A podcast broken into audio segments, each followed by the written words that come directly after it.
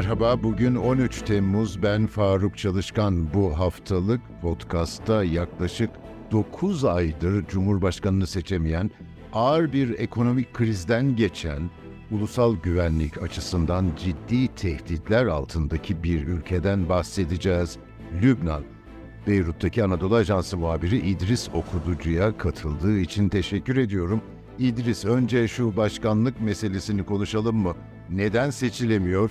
Merhaba Faruk Çalışkan. İzah ettiğiniz gibi Lübnan'da 31 Ekim 2022'de görev süresi dolan Cumhurbaşkanı Michel Avlen yerine kimse henüz seçilemedi. Lübnan'daki anayasaya göre Cumhurbaşkanının Hristiyan olması gerekiyor. Lübnan'daki Hristiyan siyasi partiler ve onlara destek veren diğer partiler arasında herhangi bir konsensüs sağlanamadı.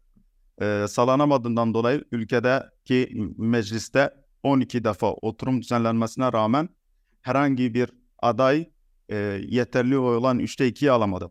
Son meclis oturumu e, mecliste 14 Haziran'da gerçekleştirildi. İki ciddi adayın ismi öne çıktı. Bunlardan birincisi e, İran Suriye rejimine yakınlığıyla bilen Hizbullah ve Şii Emen hareketinin de e, açık bir şekilde destek verdiği Marada hareket lideri Süleyman Frenciye. Bunun karşısında da Batı Bulu dediğimiz biraz da Körfez ülkelerine yakınlığıyla bilinen Uluslararası Para Fonu'nun Orta Doğu ve e, Orta Asya direktörü olan Cihat Azuri'ydi. Bu iki aday 14 Haziran'daki meclis oturumunda yarıştı. Ancak her iki aday da e, yeterli oy alamadı ve e, meclis oturumu 13. meclis oturumunun tarihi de belirtilmedi. E, Lübnan'daki siyasi krizin sebebi e, meclisin çok parçalı olması, siyasi partilerin e, herhangi bir adı üzerinde uzlaşıya varamaması ve aynı zamanda hiçbir partinin kendi hakkından feragat etmemesinden kaynaklanıyor. Bunun yanında e, ülke üzerinde nüfusu bulunan e, Körfez ve Batı ülkelerinin de ortak bir adı üzerinde Lübnanlılarla uzlaşamaması. Son olarak Fransa Cumhurbaşkanı Emmanuel Macron, Lübnan'daki Cumhurbaşkanı krizin çözülmesi için özel bir temsilci atadı. Fransa eski Dışişleri Bakanı Le Drian, 21 ve 23 Haziran tarihleri arasında Lübnan'da bir dizi görüşmeler yaptı. E, görüşmenin ardından herhangi bir sonuç çıkması beklenmiyordu zaten. Ancak Lübnan Başbakanı Necip Mikati daha sonra Fransa girişimlerinden bir çıkmaza girdiğini belirtmişti. Ee, önümüzdeki süreçte bu krizin çözülmesi için beşli bir toplantı yapılması bekleniyor Doha'da 24 Temmuz'da. Bu Lübnanlar için kritik bir toplantı. ABD, Fransa, Mısır, Suudi Arabistan ve Katar'ın üst düzey e, yetkilerin katılımıyla Doha'da bir toplantı yapılacak. Bu toplantıda Lübnanlıların üzerinde uzlaşamadığı, bu ülkelerin uzlaşılmasını istediği bir adayı öne çıkaracaklar ve daha sonra bunu Lübnan siyasi partilere iletecekler. Ancak görünen o ki henüz ne içeriden ne de dışarıdan Lübnan'daki Cumhurbaşkanı krizinin çözülmesi için kısa vadede bir uzlaşının görülmediği görülüyor. Şimdi Cumhurbaşkanının seçilmesi e, devletin işleyişini kolaylaştıracak mı ya da seçilmemesi zorlaştırıyor mu? O ayrı bir konu ama Lübnan ağır bir krizden geçiyor ve o konuda da galiba daha adım atılamıyor. Nedir o ekonomik krizi çözme süreci? Maalesef Lübnan 2019'dan bu yana kriz içerisinde kriz yaşıyor. Ee, hem ekonomik hem de siyasi kriz Lübnan halkını çok ağır bir e, yükün altında bırakıyor.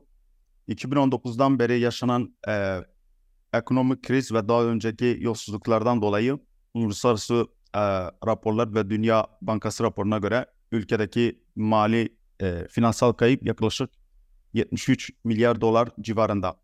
Ülkenin e, para birimi olan Lübnan lirası dolar karşısında neredeyse %98 oranında bu 3 yıl içerisinde e, değer kaybetti. Şu anda Lübnan'ın bu krizden kısa vadede kurtulabilmesi için 2022 yılında başlattığı ve geçen sene de ön anlaşmaya vardı. Uluslararası Para Fonu ile e, yapmış olduğu 3 milyar dolarlık e, krediydi. Ancak Uluslararası Para Fonu Lübnan'a bu krediyi sağlayabilmek için bazı şartlar koşmuştu. Bunların en başında da banka sisteminde ciddi reformların yapılması. Ancak Lübnan'da maalesef genel seçimler son olarak Mayıs 2022'de yapılmıştı. Şu andaki hükümet geçici bir hükümet. Çünkü e, ilk önce Cumhurbaşkanı'nın seçilmesi gerekiyor. Daha sonra Cumhurbaşkanı'nın e, Sünnilerden olacak birisini e, başbakan olarak görevlendirmesi lazım. Bu işleyiş bir türlü ilerleyemiyor çünkü az önce de bahsettiğimiz gibi ülkede ciddi bir e, Cumhurbaşkanı krizi var. Bu yüzden hükümette geçici ve aldığı kararlar çok kısıtlı. IMF'nin talep ettiği reformları bir türlü hayata geçiremiyorlar. Geçiremediğinden dolayı da Lübnan'daki ekonomik kriz zamana yayılmış e, durumda ve herhangi bir e, kısa vadede çözüm görülmüyor. İnsanların e, geçimini sağlamasını krize götürüyor. Aynı zamanda enerji krizi de yaşadı Lübnan ama bir de dış politika var, ulusal güvenlik meseleleri var. İsrail e, önemli bir komşusu Lübnan'ın. E, ulusal güvenlik sorunları e, İsrail odaklı oluyor genellikle. Önce İsrail cephesini konuşalım mı? Nedir e, o sınırdaki tansiyonun sebebi? Lübnan ve İsrail arasında ki 12 Temmuz 2006 yılında meydana gelen e, sınır üzerindeki çatışmaların üzerinden 17 yıl geçti. 17 yıldan bu yana sınır üzerinde çok ciddi bir çatışma yaşanmadı. Her iki tarafta provokatif eylemler içerisinde bulunmadı. Ancak son Nisan 2023'ten bu yana yani son 3-4 aydan bu yana sınır üzerinde 2006'daki gibi benzer bazı gerginlikler yaşanıyor. Bunun sebebi ise Hizbullah'ın İsrail'in sınırına yakın bölgelerde Lübnan'a ait olduğunu vurguladığı yerlerde bazı çadırları yerleştirmesi. Haziran ayı başı itibariyle Kafar Şuba ile Şaba çiftlikleri yakınlarında da e, iki e, eylem çadırı e, kurdu. Bu eylem çadırlarının kaldırılmasını talep etmişti İsrail. Birleşmiş Milletler Barış, e, geçici barış gücü vasıtasıyla, e, aracılığıyla. Aynı zamanda e, İsrail zorla bu çadırları sınırda kaldırmak istemediğini, Lübnan'la herhangi bir askeri e, eylem içerisinde girmek istemediğini e, ABD'nin Berit Büyükelçisi üzerinden Lübnan hükümetine ilettiği iddia edilmişti. E, Lübnan'daki Hizbullah'ın sınır üzerinde kurmuş olduğu çadır krizinden sonra 4 Temmuz'da İsrail ise her iki ülke arasındaki ortak sınırda yer alan ve bir kısmı da Lübnan'a ait olan Gaçar e, köyünün tamamını işgal edip etrafına da tamamen terör örgüleri çekmişti. Lübnan'dan girişleri de yasaklamıştı. Her iki tarafın çadıra karşılık köyün tamamen işgal edilmesi taraflar arasında kısa bir vadede gerginliğe sebep oldu. Ee, geçen haftada Lübnan topraklarından İsrail'e doğru e, hava mermileri, roket e, saldırı olmuş. İsrail de buna karşılık vermişti. Hali hazırda Lübnan çadırların kaldırılması için İsrail'in de Gacar köyünü tamamen işgaline son vermesine e, çağrısına bulundu. E, Lübnan Dışişleri Bakanlığı dün İsrail'i Birleşmiş Milletler Genel Sekreterliği'ne ve Birleşmiş Milletler Güvenlik Konseyi'ne şikayet ettiğini, e, İsrail'in ivedi bir şekilde Lübnan'a ait olan köy işgali sonlanması e, çağrısı yaptı. İdris, Hizbullah Lübnan'da bir siyasi parti ama aynı zamanda e, tabiri caizse bir paralel orduya sahip.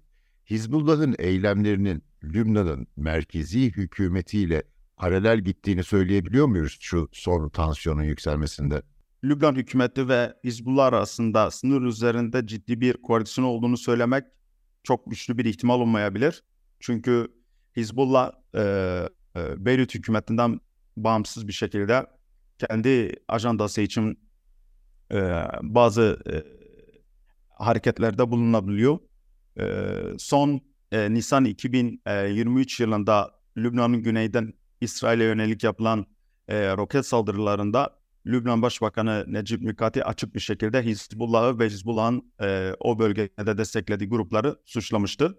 Bu da her iki taraf arasında, hükümet ve Hizbullah arasında aslında bir koordinasyonun e, olmadığını ya da her iki tarafı birbirinden bağımsız bir şekilde hareket ettiğini işareti olarak öne çıkmıştı. Bu yüzden Hizbullah'ın almış olduğu kararlardan Lübnan hükümetinin daha sonra haberdar olması durumu da aslında e, çok şaşırtıcı olmayabilir.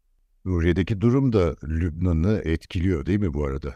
Elbette Lübnan e, Suriye'de 2011 yılında başlayan savaşın ardından ülkeye yaklaşık e, Birleşmiş Milletler'in vermiş olduğu verilere göre 1,5 milyon e, sığınmacı yaşıyor ve son olarak e, uluslararası e, İnsan Hakları İzleme Örgütü e, geçen hafta yayınladığı raporda e, dünyada nüfus sorunlarına göre en çok e, sığınmacı kabul eden ülke Lübnan. E, Doğu Akdeniz'in e, küçük ve 6.5 milyon nüfusuna sahip Lübnan'da yaklaşık 1,5 milyon e, Suriye sığınmacı e, kent merkezlerinde ve e, sınır bölgelerdeki kamplarda e, yaşam mücadelesi veriyor. E, Lübnan'ın özellikle seçim öncesinde en önemli e, siyasi partiler arasındaki e, gündem maddesi Suriyeli sığınmacıların ülkedeki varlığıydı. Lübnan e, Başbakanı Necip Mikati de daha önce ülkenin ciddi bir krizde olduğunu, ülke nüfusunun %80'inin yoksulluk sınırında e, geldiğini, durumlarının maddi olarak iyi olmadığını, Suriyeli sığınmacıların ekonomik olarak bir yük haline geldiğini belirterek uluslararası toplumun kendilerine destek vermemesi halinde zorla Suriye sığınmacı deport edeceklerini belirtmişti. Ardından e, Lübnan e, hükümeti Şam rejimi ile e, ortak bir mekanizma kurup aylık 15 bin Suriyeli mülteciyi iade edeceğini e, duyurmuştu. Ancak son olarak e, Uluslararası İnsan Hakları İzleme Örgütü e, geçen hafta yayınladığı raporda Nisan ayı 2023'ten bu yana Lübnan'dan Suriye'ye sadece 1800 kişi zorla deport edildi. Bu da ordu güçlerinin e, düzenlemiş olduğu 10 baskın sonucu.